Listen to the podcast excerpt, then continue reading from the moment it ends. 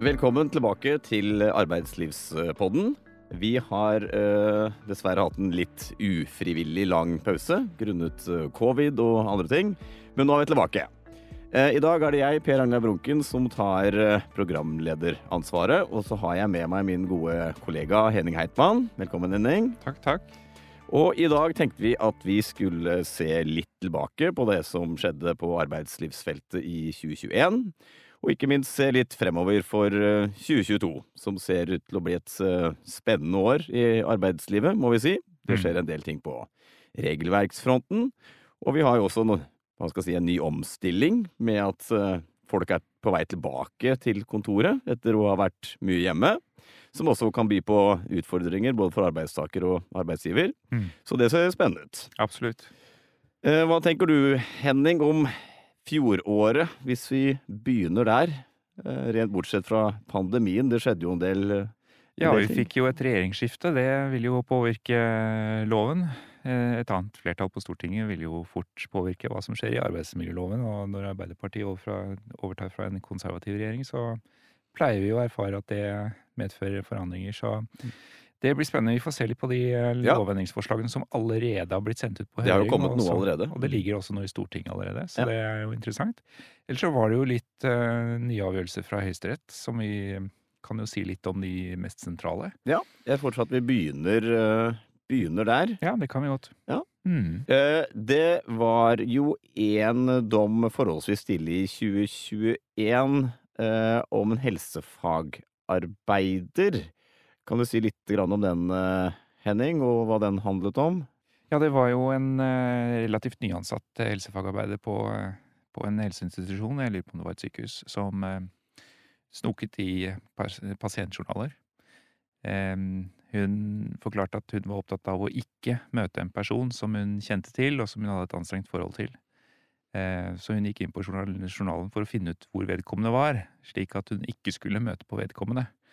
Em, Men uh, saken var at hun eh, hun fant jo langt flere opplysninger enn det som var nødvendig for å finne ut hvor hun var. Og hun kunne jo funnet ut, ut hvor hun var ved å ikke gå inn i journalene, bare ved å spørre sin eh, leder. Så um, det var helt unødvendig å gå inn i journalene og sette seg inn i vedkommendes sykdomssituasjon, uh, slik som denne personen gjorde, og det var jo lett å spore opp for arbeidsgiver. Ble foreholdt dette og fikk eh, avsluttet arbeidsforholdet, eh, protesterte mot det og havnet i Høyesterett med denne saken. Mm. Og så ble spørsmålet da, eh, var det for brått å gå til avvikling av arbeidsforholdet? For hun fikk Eh, ikke noe advarsel hun fikk i ikke noe forkant. advarsel i Hun ble tatt for dette forholdet, rett og slett, og så reagerte arbeidsgiver umiddelbart. Yes. Ja. Og som følge av det så, så sier Høyesterett at det er ikke nødvendig å gi advarsel for å gå til eh, oppsigelse eller avskjed i alle tilfeller. Hvis det er et såpass klart brudd på normal atferd eh, og de reglene som gjelder for håndtering av personopplysninger i virksomheten, så kan det være nok med ett brudd på det. Mm. Og dette vurderte Høyesterett såpass alvorlig at eh, her var det grunnlag for å avslutte med en gang. Dette er såpass kjente bestemmelser for folk som jobber innenfor helse, at eh, brudd på det er lite unnskyldig at man ikke skal ha kjent til hva som gjelder. Men generelt sett så øh, må vel kunne si at arbeidstakere som har tilgang til systemer hvor det ligger mye personopplysninger knyttet til kollegaer, det faktum at du kanskje har tilgang til systemet, eh, gir deg ikke grunn til å likevel gå inn og se på opplysningene. Nei, helt klart. Og det, det kan man jo minne om på mange områder. Folk som jobber med IT, eller jobber Ja. med HR og lønn og sånt. Eh, Du skal bare gå inn og bruke og etter, eh, Mm. etterlyse eller undersøke personopplysninger som er relevante for de oppgavene du skal utføre. Ja, du må rett og slett ha en aktverdig grunn for å kalle det det. Ja, Det, det gjelder all bruk av personopplysninger, også det å, å søke de opp. Mm. Så det mm, ansvarliggjør jo. Da er jo pasientopplysninger eh, mer alvorlige og ofte mer sensitive Ja. Enn eh, lønnsinformasjon om kollegaer. Men man kan tenke seg at man kan gå til samme reaksjon der. Det, men det, jeg tror det er viktig at virksomheten er tydelig i sin kommunikasjon med medarbeidere om hva Ja. som gjelder. Ja. At man har tydelige retningslinjer og forventninger til det. Ja, og så er det, som du også nevnte, det andre mer generelle poenget man kan ta med seg fra arbeidsgiverhold, er at man kan reagere, man skal si, ganske brått og brutalt.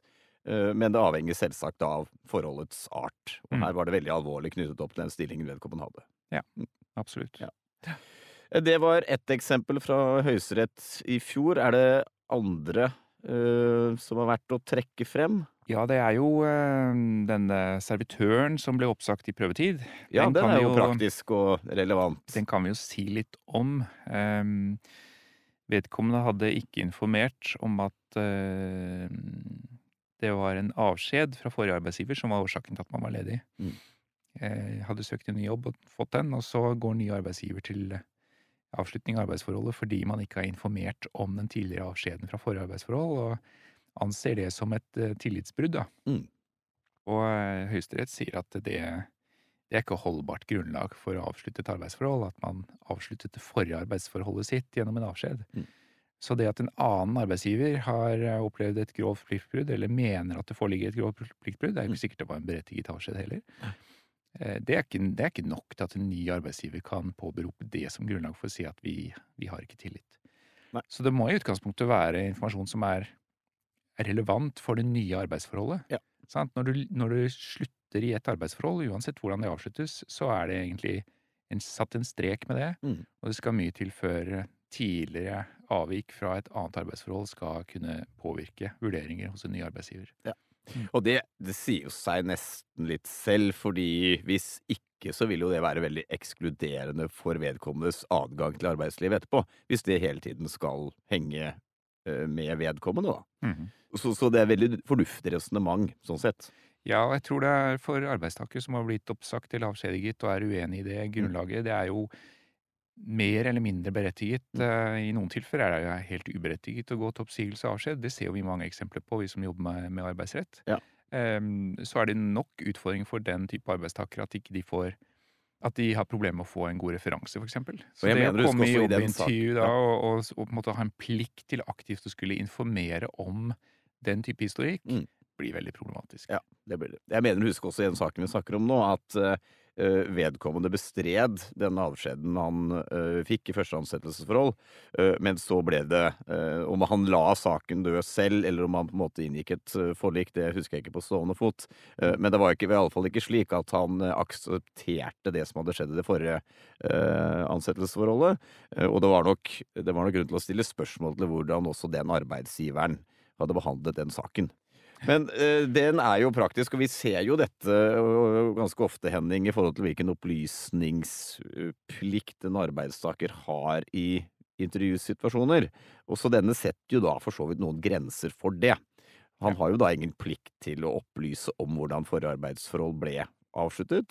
Mm. Uh, Da må det i hvert fall være helt åpenbart at det skal være relevant for det nye ansettelsesforholdet.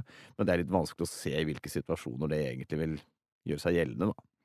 Ja, det blir fort spekulasjon å bevege seg inn i når det Ja. vil være berettiget likevel, da. Men Mm. det må vurderes konkret, og man Ja. må være litt forsiktig med hvor eh, grensene går. Mm. Du har jo egentlig avsluttet et, eller gått ut av et annet kontraktsforhold. Ja. Skal da en ny kontraktspart kunne påberope at Feil i det forrige. den forrige, for, forrige arbeidsgiveren mente at det var noe galt? Ja.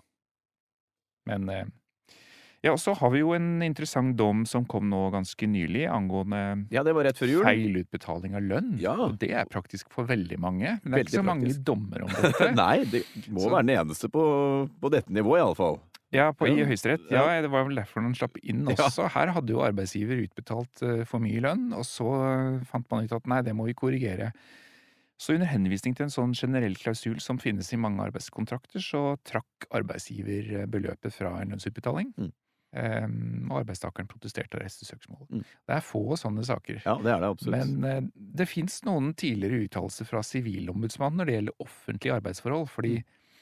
Sivilombudet, som det heter nå, eh, kan jo ta imot klagesaker også fra ansatte i stat og kommune. Ja. Så eh, på det offentlige området så finnes det noen uttalelser fra Sivilombudet rundt dette som tyder på at en sånn generell klausul i arbeidsavtalen om at man kan gjøre trekk for feilutbetalt lønn i senere lønnsutbetalinger, det har Sivilombudet sagt i flere anledninger eh, at det er ikke greit. Nei. Man må konkretisere hva det dreier seg om. Du må lage en avtale når trekket blir aktuelt, Mm. og man skal helst også ha beløpet klart for Mm. seg. Og da må det avtales med den ansatte ut fra det.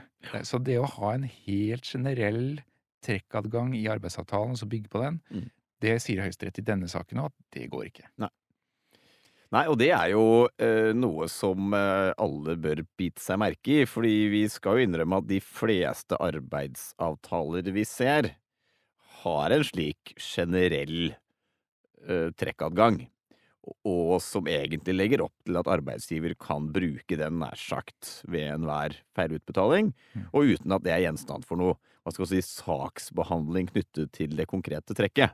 Mm. Det bare gjøres automatisk. Mm. Uh, og det går jo ikke, eh, etter eh, hva Høyesterett nå sier. Og så er det vel også slik da at um, lærdommen man kan gjøre også ut fra den saken, er at trekket må gjøres etter en konkret avtale på det aktuelle tidspunktet, ved den aktuelle anledningen. Mm. Gjerne med en henvisning til en generell klausul i ansettelsesavtalen. Det er for så vidt ok. Eh, Men, men det er det, det aktuelle trekket som må avtales. avtales. Og du har jo allerede i loven en plikt til å drøfte Ja. før du gjør trekket. Mm. Og så er det også noen regler som, eh, som skal beskytte arbeidstakers minimumsbehov for Ja. inntekt. Sant? Vi har noen beslagsforbudsregler som også gjelder hvis arbeidstakeren går konkurs. Altså han skal ha en minimumsinntekt. Ja. eh, Kunne trygge bolig for seg Mm. og familien og ivareta omsorgsevnen, eh, Ja. omsorgsansvaret sitt. Og det, det gjør også at det er ikke bare å trekke hele lønna. Jeg tror en del har gått for langt i å gjøre trekk uten å være klar over de bestemmelsene som begrenser det. Ja. I den saken her så hadde jo arbeidsgiver over lengre tid utbetalt feil. Mm. Det var spesiell Eh, forhistorie i saken. Ja. Ja. Og eh, arbeidsgiver var jo klar over at det ble betalt ut for mye. Man Mm. hadde gått over til et nytt datasystem, så man hadde ikke en god nok eh, beregning av lønnen. Mm. Og arbeidsgiver forsto at her kunne det være behov for etteroppgjør, men arbeidsgiver ga ikke noen beskjed om dette til de ansatte. Nei. Så de tok jo imot pengene i den gode tro at dette var riktig. Mm. Så hvis arbeidsgiver her hadde reagert raskere, for eksempel, eller man hadde orientert om at eh, her blir det utbetalt for mye, men Mm. vi må gjøre en korreksjon i fremtiden, så kunne man kanskje stått sterkere som arbeidsgiver. Ja. Men det gjorde de altså ikke, og den uklarheten der gjorde at arbeidstakeren også ble frifunnet fra plikten til å tilbakebetale pengene. Mm. For det var jo del to av denne dommen fra Høyesterett. Ja. Det var jo har arbeidstakeren da en plikt til å betale? Mm.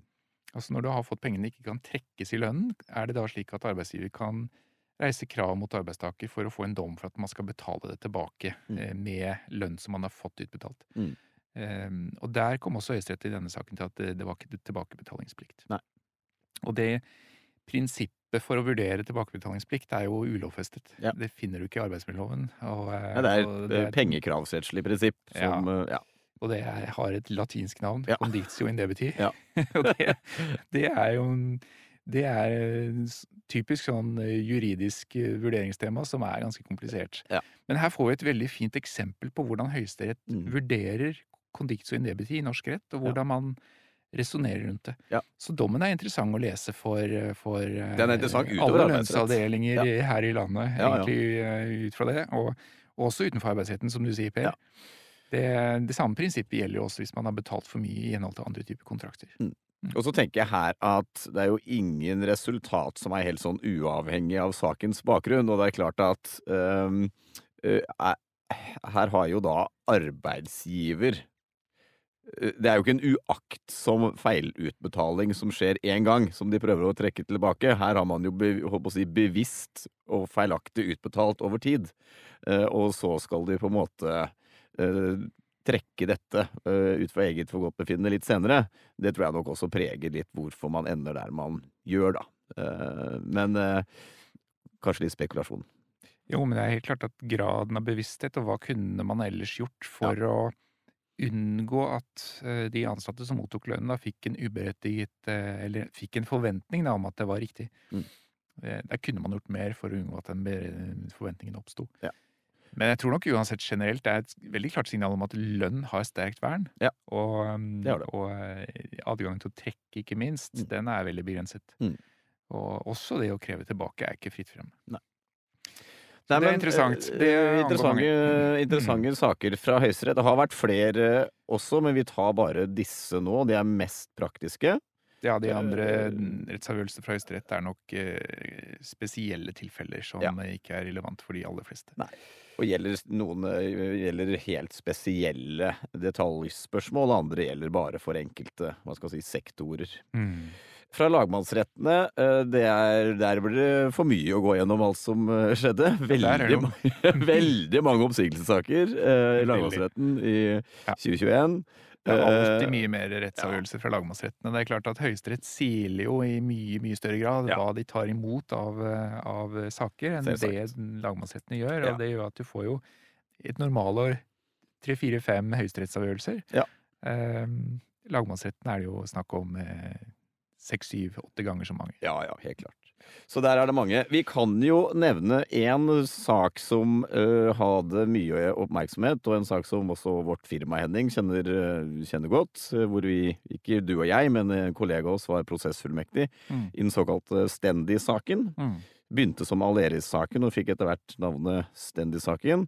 Den var oppe i lagmannsretten i 2021. Ble også anket til Høyesterett, men slapp ikke inn. Dette går jo på den tradisjonelle grensedragningen mellom oppdragstaker og arbeidstaker. Uh, mye medieoppmerksomhet, mye politikk, uh, mange avisoverskrifter. Mm. Uh, Stendi, eller Aleris, arbeidsgiver, fikk jo et overraskende bra resultat, må man nesten si, for, det, for de i første instans, altså i tingretten, hvor de vant frem med at en del av disse eh, oppdragstakerne faktisk kunne være å anse som oppdragstakere og ikke arbeidstakere. Mm. Men i lagmannsretten så endte alle de såkalte oppdragstakerne opp med å bli ansett for å være arbeidstakere, Mm. med, med den konsekvens det da innebærer. Vi kan jo gjøre en kort recap av faktum Ja. her, fordi at det er ikke sikkert alle har fått det med seg. Men, eh, Vi kan gjøre det. Men eh, Stendi driver jo med omsorgstjenester. Ja. eh, Og, mm, og eh, de hadde jo mange helsefagarbeidere ansatt. Mm. Men de hadde også noen som var tilknyttet virksomheten som konsulenter. Ja. Som jobbet egentlig som på en selvstendig kontrakt og sendte faktura for Ja. sine tjenester. Og dette var noe de ønsket, mange av de. Mange av de ønsket det, men Ja. eh, de jobbet altså da kun for én kunde kunde som var stendig. Ja. Og så etter mange år så dukker spørsmålet om om de ikke egentlig er arbeidstakere på linje med de som fikk lønn, da. Mm. Ja. Så det var jo starten på det, og, Det var og Fagforbundet reiste søksmål for å få prøvet den saken. Det var Mm. vel eh, ja, det var ganske mange saksøkere samtidig i saken, med Ja, forskjellige Husker krav. jeg ikke krav. akkurat antallet, faktisk, men eh, det er uh, Det tror jeg mange. endret seg litt underveis også. Ja. Men i hvert fall så fikk de medhold i at de var ansett som arbeidstakere, Mm. og eh, arbeidsgiver ble jo dømt til å etterinnmelde de pensjonsordning og betale feriepenger og, og mange andre typer ytelser som er tilleggsytelser i arbeidsforhold, men som i disse konsulentkontraktene egentlig var ment å innbefattes i honoraret som de Ja. fakturerte. Mm. Eh, Og, og et spennende tema var jo også eh, hva gjør man når man skal beregne feriepenger ut fra et konsulenthonorar? Mm. Hva legger man til Eh, grunn for beregningen? Ja, kan man da se på hva for andre ansatte Ja. i virksomheten utbetalt, Ja. og kan man da legge til grunn at honoraret innbefatter eh, feriepengene fordi at man har fått høyere betalt? Mm. Men der sier faktisk lagmannsretten i saken nei. Hei. Da legger vi til grunn eh, konsulenthonoraret som, som grunnlaget, Mm. og så beregner man feriepenger og pensjonsinnskudd sånn oppå det. Ja. Og det gjør jo at disse konsulentene får praksis mye mer betalt Det gjør det. enn de som har vært vanlige arbeidstakere og fått løpende lønn. Det er en litt sånn rar eh, konsekvens av denne dommen. Ja, At du egentlig havner i en situasjon hvor det blir mye forskjellsbehandling mellom ansatte. Mm. Men samtidig så blir det også sånn at hvis du som arbeidsgiver har gjort feil, Mm. ja da må du på en måte betale fullt ut. Altså du, hvis du har gjort feil fra begynnelsen, altså ved å feilklassifisere, Mm. ja så må du ta hele den økonomiske konsekvensen. Rett og slett. Og det er veldig, dette er jo hardt økonomisk for de som ender opp med disse sakene. Nå var dette her en gigantisk sak for en stor arbeidsgiver, en stor virksomhet. Men dette kan bli store konsekvenser for mindre eh, arbeidsgiver også, som da har feilklassifisert disse menneskene eh, som Mm. oppdragstakere og ikke arbeidstakere. Så, og her er det jo grunn til å tro, Henning, at vi kommer til å se flere søksmål i kjølvannet av uh, denne saken. Den har jo fått mye mer oppmerksomhet, eller problemstillingen har fått mer oppmerksomhet. Antagelig flere fagforeninger også som er interessert i å forfølge dette, utover da Fagforbundet, som har stått uh, i denne saken. Og sikkert mange arbeidstakere også på, eh, eller oppdragstakere, da, på individuelt nivå, som ser at uh, her er det noe å kjempe for. Ja, det er jo en veldig sånn systematisk kamp mot de fleksible alternativene i arbeidslivet, da. Mm. Og det vil vi også se litt spor av i lovgivningsforslagene som nå ligger, eh, som vi skal snakke litt om Ja. snarlig. Og det er jo måtte man strammer inn adgangen til å være konsulent, eller være innleid, eller på andre måter ha en annen løsere tilknytning til kunder, Ja. eh, eventuelt kall det arbeidsgiver. Ja. Så i disse gråsonesituasjonene så er det, det er ikke en valgfrihet. Og Nei. det er det viktig at, eh, at man forstår Mm. eh, i debatten rundt disse tingene. Det det. At valgfriheten tas bort. Ja. Eh, og man skal inn i den tradisjonelle tilhørigheten med et fast arbeidsforhold som er så stort som mulig. Og det er jo, øh, hva skal man si, kjernen i norsk arbeidslivsregulering, er at det er en vernelovgivning. Ikke sant? Og det ser man jo nå gang på gang i rettspraksis og på alle regelverksinitiativ også, at det er vernelovgivningen som, som står veldig sterkt og, og skal styrkes. Fordi en annen ting som skjedde i 2021, eh, var jo en rapport fra det såkalte Fogner-utvalget. eh, Og det eh, utvalget hadde jo som mandat å skulle se på si, alternative tilknytningsformer til arbeidslivet. Eh, Nå skal vi ikke gå i detalj på den rapporten, den er eh, stor og omfattende, men hovedkonklusjonene som man uansett kan dra ut av det, var at man så jo ikke noe, hva skal si, progressiv eller pragmatisk tilnærming til arbeidslivet og mer fleksibilitet. Det som ble fremhevet, og som en nær sagt en konklusjon som danner også utgangspunktet for de regelverksinitiativene vi nå ser, er jo den såkalte norske modellen med, med faste ansettelser, faste heltidsansettelser, som det klare utgangspunkt. Mm. Og det bringer oss jo litt over til de initiativene som nå ligger på bordet, som har kommet fra den nye regjeringen. Mm. Eh, hva er det vi har på bordet der, eh, Henning? Ja, det første som ligger i eh, løypa nå, det er jo eh, gjeninnføring av en søksmålsrett for, eh, for fagforeninger. Og den var jo i loven før. Ble ja, tatt ut for en del år siden, for den ble jo eh, i veldig, veldig liten grad brukt. Ja. Men det foreslås å gjeninnføre det, og den ligger nå i Stortinget, Mm. i um, komiteen. Mhm. Det skal være et høringsmøte den 15. februar. Ja. Det, jeg så det i sted at fristen for å melde seg på høringsmøtet i løpet i går, så det Ja, er dessverre for sent. Det for sent. Men hva innebærer dette? Altså kollektiv søksmålsrett for fagforeninger. Om hva da? Om arbeidsgivers bruk av innleie. Mm. Og, og det betyr at hvis en fagforening har ett eller flere medlemmer hos en virksomhet som leier inn arbeidskraft, Mm. Så kan fagforeningen vurdere om den innleien er i samsvar med loven. Og hvis arbeidsgiver ikke har fulgt opp eh, reglene for bruk av innleie, så kan de rett og slett saksøke den arbeidsgiveren direkte. Ja. I eget navn. De Ja. trenger ikke ha med en medarbeider på det søksmålet som mener at de individuelle pliktene er satt til side. Og det er jo spesielt, for her kan du som person bli hva skal jeg si, dratt med et søksmål som du nær sagt ikke har lyst til å være med på.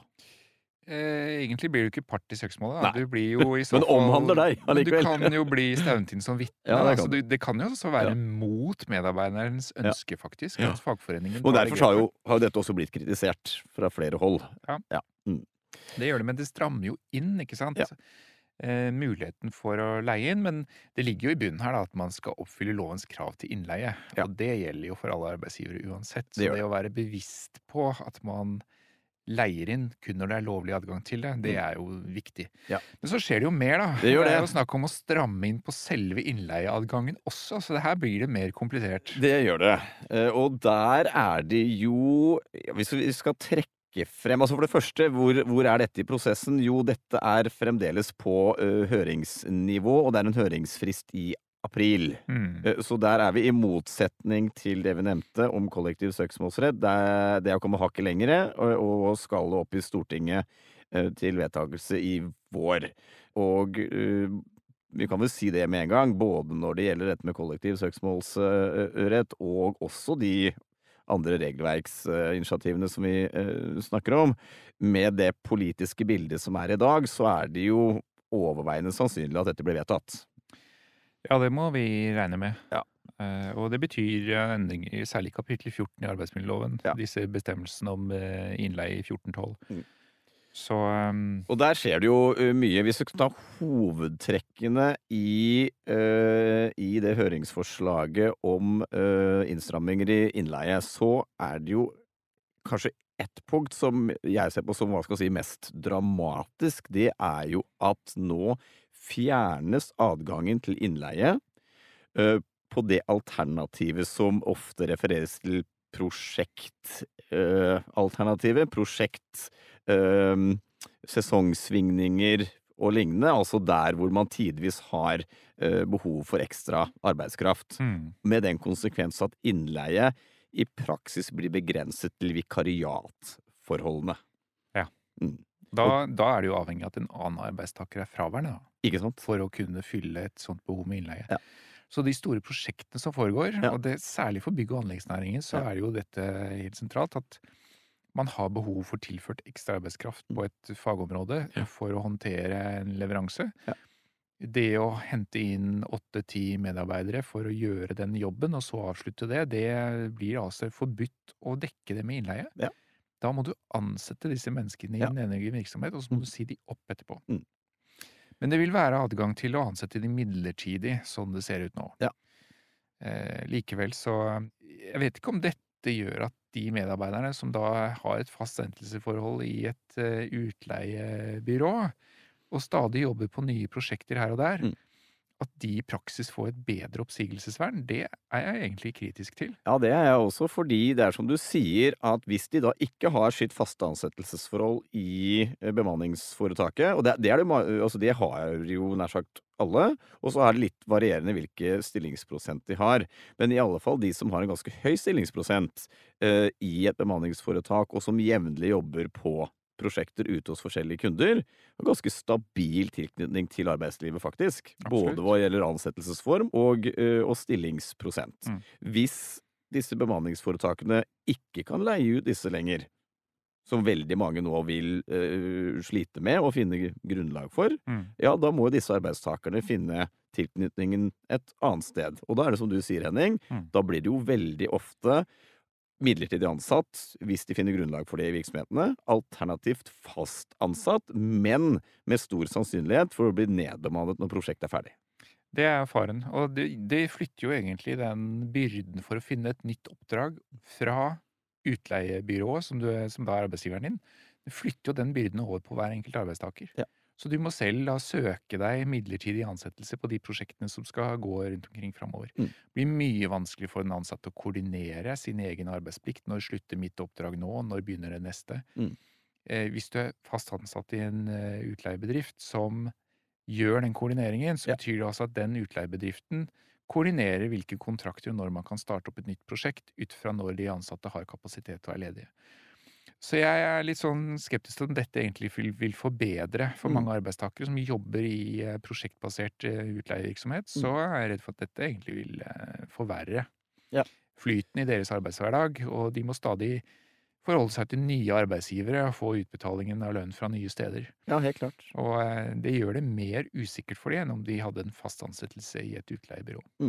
Du var jo så vidt inne på det. Nå, nå snakket vi jo litt generelt om, øh, om den innsnevringen som, øh, som skjer, men øh, det er jo ikke bare en innsnevring på innleie generelt. Det er jo én bransje som får en, en geografisk del av en bransje som får et totalforbud faktisk mot innleie. Ja. Nå kommer det en forskrift som gjelder for bygg og anlegg i Oslo, Viken og tidligere Vestfold, med totalforbud mot innleie. Mm. Og det også må jo få eh, store konsekvenser for alle parter, eh, og konsekvenser også utover hva skal si, arbeidslivssiden. Ja, det skal jo gjelde i alle offentlige innkjøp, ikke, sant? Sånn at det er en ganske stor del av markedet som Ja. eh, blir omfattet av det. Og det er litt pussig at man skal ha en særregel for et, en geografisk del av Mm. landet. At man ikke har den samme regelen for hele landet. Det, Dette ser man jo nesten aldri. Jeg kan ikke huske at jeg har sett noe, noe lignende. Eh, vi har jo hatt den såkalte Oslo-modellen i mange Ja. år, hvor man har vært, eh, brukt innkjøpsmakten til å stille særskilte krav til leverandørene. mm, Dette er egentlig en utvidelse av den samme tankegangen, Ja. men nå på et større område og med nye nye typer bestemmelser. Ja. Men så ser vi også i, eh, når det gjelder innleie, da, som vi snakket, med, snakket om, altså de generelle innleiereglene i, arbeidsmiljøloven, så, så foreslås det å innføre en rett til fast ansettelse hos innleier hvis man har vært Ja. leid ut til samme sted i mer enn to år. Ja. Og det er jo eh, egentlig en innstramning som er ganske radikal også. Den radikal. Uansett om den innleien har vært lovlig, og om det er en reell innleie for å dekke vikarbehov, eller hva det skal være, Mm. så får du altså en fast ansettelsesrettighet. Ja. Eh, ut fra dette. Og det, ikke, det legges ikke opp til noen vurdering av behovet eller noe sånt. Så, så hvis en medarbeider har vært eh, La oss si du har vært langtidssykemeldt da, og i to år, og arbeidsgiveren ikke har eh, avsluttet det arbeidsforholdet, så det er i prinsippet fortsatt et behov for å fylle en Lovlig vikariat. Ja. Mm. Eller kan være to vikariater Ja, ja. etter hverandre. Ja. Fylles med, med innleie, så, så får den innleide et fast ansettelsesforhold. Og Eh, for, s- for, det, står, det står ikke at du skal kreve det heller. Det står Nei. at du, du skal anses som. Ja. Sånn at når eh, folk kommer tilbake i jobbene sine, så vil arbeidsgiver da bli sittende med for mange ansatte og må Mm. gå til nedbemanning da, Ja. hvis man ikke har, eh, har nok arbeid. Og innenfor visse bransjer med stort sykefravær. Hvis vi ser spesielt eh, helse akkurat nå, da, eh, og vi kan jo, det er jo grunn til å tro at det også vil fortsette, og etterdønninger på sykefravær eh, i helse etter, eller mot slutten og i etterkant av pandemien også. Så hvis du da blir leid inn lovlig, eh, vikar, eh, for konkrete personer Mm. over tid, er der over to år, så er, er som du sier, du trenger ikke å kreve det engang, du er å anse som fast ansatt arbeidstaker. arbeidstaker. Tidligere så er jo bestemmelsen vært knyttet opp til hvorvidt bedriften konkret har et fast behov for vikarer. Er det et fast vedvarende behov for vikarer, ja da skal du ha en vikarpool, og da skal folk ansettes fast for å dekke vikariatene løpende. Mm. Men disse bestemmelsene legger jo ikke opp til at det skal gjøres en sånn vurdering. Nei. Disse bestemmelsene er helt skjematiske ut fra hvor lenge har du vært leid inn. Mm. Og uansett om det behovet er forbigående, så, så har du krav på å bli betraktet som fast ansatt. Mm. Så det er jo ganske radikalt. da. Ja, det er det. Og bare for å gjøre det enda verre, holdt jeg på å si, for, for arbeidsgiver, da. Ehm, Det gjøres jo da eh, grep også når det gjelder deltidsansettelse. Ja. Eh, Og der har det jo vært en utvikling de siste årene eh, uansett. Altså helt tilbake til, til diskrimineringsforbud hva gjelder deltid. Så var det rett til utvidelse av deltidsstilling. Og så var det også da rett til å få fastsatt, eller få dom for reell stillingsprosent. Mm. Eh, Det så, så deltidsinstituttet har jo blitt utviklet over tid og, og, og styrket, og hele tiden da med formål om at flest mulig skal ha en heltidsstilling. Ja. Og nå øh, gjøres det ytterligere grep. Ja, disse bestemmelsene er jo på høring nå. Så det er en høringsfrist 19. April. april eh, 2022. Så alle som ønsker å engasjere seg i dette, kan sende inn- inn høringsinnspill. Absolutt. Eh, Det kan eh, både du og jeg gjøre, Ja. men eh, det er jo særlig organisasjonene i arbeidslivet Ja. som får mest gehør. Men i prinsippet så er høringer åpne for alle. I hvilken grad det tas hensyn til det, får vi jo se når forslaget sendes videre fra regjeringen og inn til Stortinget. og eh, Stortingsbehandlingen kan også medføre at man gjør justeringer i forslaget, men vi, får nå se. Det som foreslås, er jo for eksempel at deltidsansatte har fortrinnsrett på å utvide stillingen fremfor at arbeidsgiver bruker innleie for å Ja. dekke behovet. Det, det er nytt. Det er nytt. Eh, Og det er jo altså nok en regel som går egentlig da på å demme opp mot innleie. Ikke sant? Mm. Og, og da ser man jo da også eh, innleie opp mot problematikken knyttet til deltid. Ja. Så, så det, er jo, det er jo en sammenheng i, i, i regelverket eh, sånn sett. Mm. Og så er det jo også slik at øh, det foreslås en regel, den har vært diskutert over tid, at arbeidsgiver i mye større grad da må dokumentere grunnlaget for hvorfor det skal ansettes på øh, deltid. Ja, det er nytt. Man skal, man skal sørge for at man har drøftet behovet med tillitsvalgt, og kunne dokumentere begrunnelsen for behovet, og kunne dokumentere drøftelsen. Mm. Eh, Og det betyr jo at man, når man skal leie inn, må gjøre den drøftelsen, føre en protokoll og sørge for å arkivere den.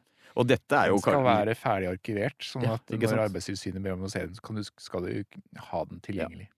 Og i større virksomheter med eh, et hva skal si, aktivt tillitsvalgtarbeid, eh, eh, og hvor arbeidsgiver jevnlig møter med de tillitsvalgte osv., så, videre, så er det kanskje en forholdsvis enkel øvelse å legge dette, legge dette, inn i de drøftelsene man jevnlig har, men for mindre arbeidsgivere som ikke har dette, så blir jo dette mer administrasjon enn det man er vant til. Ja, det stemmer nok. Men samtidig så har vi også en drøftingsplikt rundt bruk av innleie ja. i dag, så man kan jo sånn sett bake det inn i den samme prosessen. Det sant. Hvis man bruker eh, innleie i noen mm. større grad. Men, det er vel egentlig slik at arbeidsgivere generelt sett nå må øh, være veldig oppmerksom på hvordan de bruker hva skal man si, alternative tilknytningsformer. Og det er jo helt tilbake til det vi nevnte i sted i forhold til Stendi-saken, altså bruk av oppdragstakere, mm. bruk av innleie og også ansettelse på, på deltid. Så der, der, må arbeidsgiver generelt sett være mer oppmerksom på sine eh, forpliktelser fremover.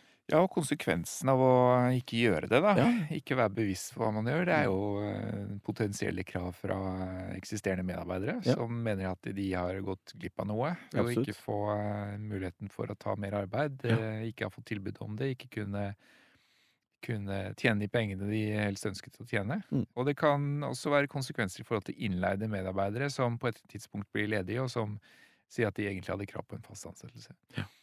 Ok, Henning. Nå har vi, vi har sett litt bakover uh, i 2021. Vi har sett på hva som er foreslått uh, regelverksmessig 2022. Grunn til å tro at mye av det etter hvert blir vedtatt. Mm. Men det er jo ikke bare uh, det som skjer i 2022. Det, arbeidslivet går jo sin gang. Arbeidslivet begynner å komme tilbake til en viss normal. Arbeidstakerne er tilbake på kontoret. Eh, det er bevegelse i arbeidsmarkedet igjen. Eh, mange arbeidstakere har kanskje pga. pandemien eh, tenkt å bytte jobb. De er kanskje blitt mer attraktive på arbeidsmarkedet. Hva ser du på som trendene og utfordringene i den forbindelse? Det er veldig tydelig fra de statistikkene jeg har hørt referert og sett i media referert, at veldig mange vurderer å bytte jobb etter pandemien. Ja. De har gått litt lei. Det har vært en kjedelig periode. og hvis man blir trygg på at nå er vi forbi det, mm.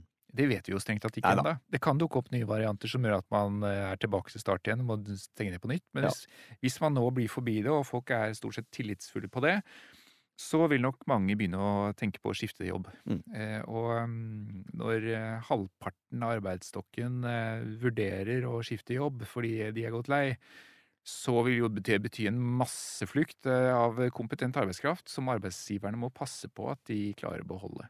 Mm. Så nå er det viktig at man bygger kultur, ja. Eh, tar vare på folk, ser ja. de, gir de utfordringer, og mm, at de kjenner at det er meningsfylt å være på jobben. Ja. Eh, og så kan man jo begynne med Altså man kan jo vurdere også sine insentivordninger, selvsagt. Det er jo et gulrotdel her som man mhm. kan se på. Og så et annet aspekt er jo å forsøke å binde de mer opp, da. Absolutt. Eh, og insentivordninger kan jo binde opp arbeidstakere i ja. en viss grad. Eh, hvis man har utbetalingsordninger som knyttes til fast eh, og videre ansettelse osv. Men, men jeg tror nok også en del har konkurranseklausuler i sine arbeidskontrakter, ja. og her er det viktig at arbeidsgiver er våkne. Mm.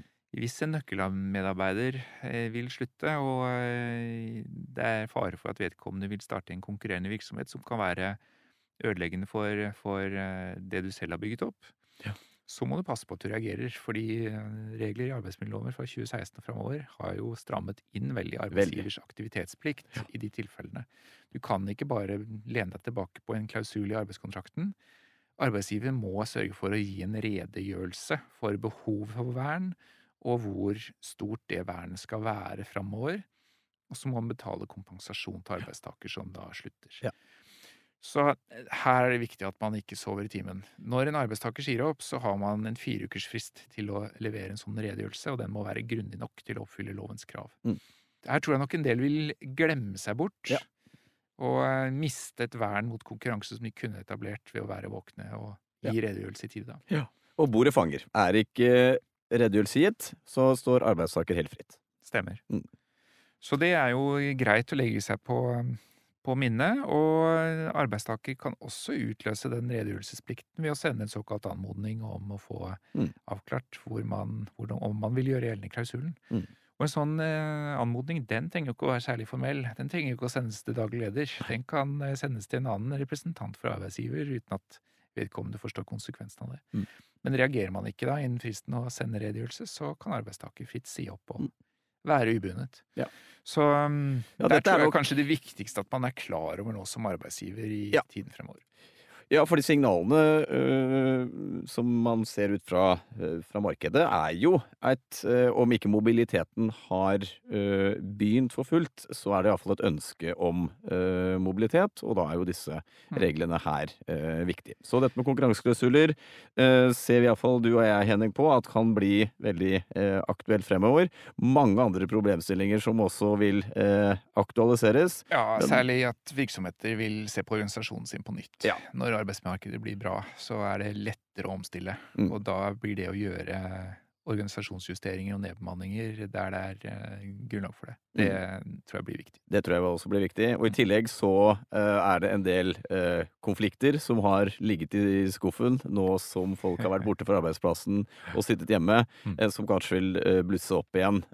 Nå som man er tilbake på, på kontoret, rett og slett. Mm. Og, og det blir også viktig for arbeidsgivere å behandle på en god måte. Absolutt. Da har vi vært gjennom eh, mye i dag, Henning. Tusen takk. Eh, Og eh, Arbeidslivspodden vil fortsette med nye spennende temaer fremover.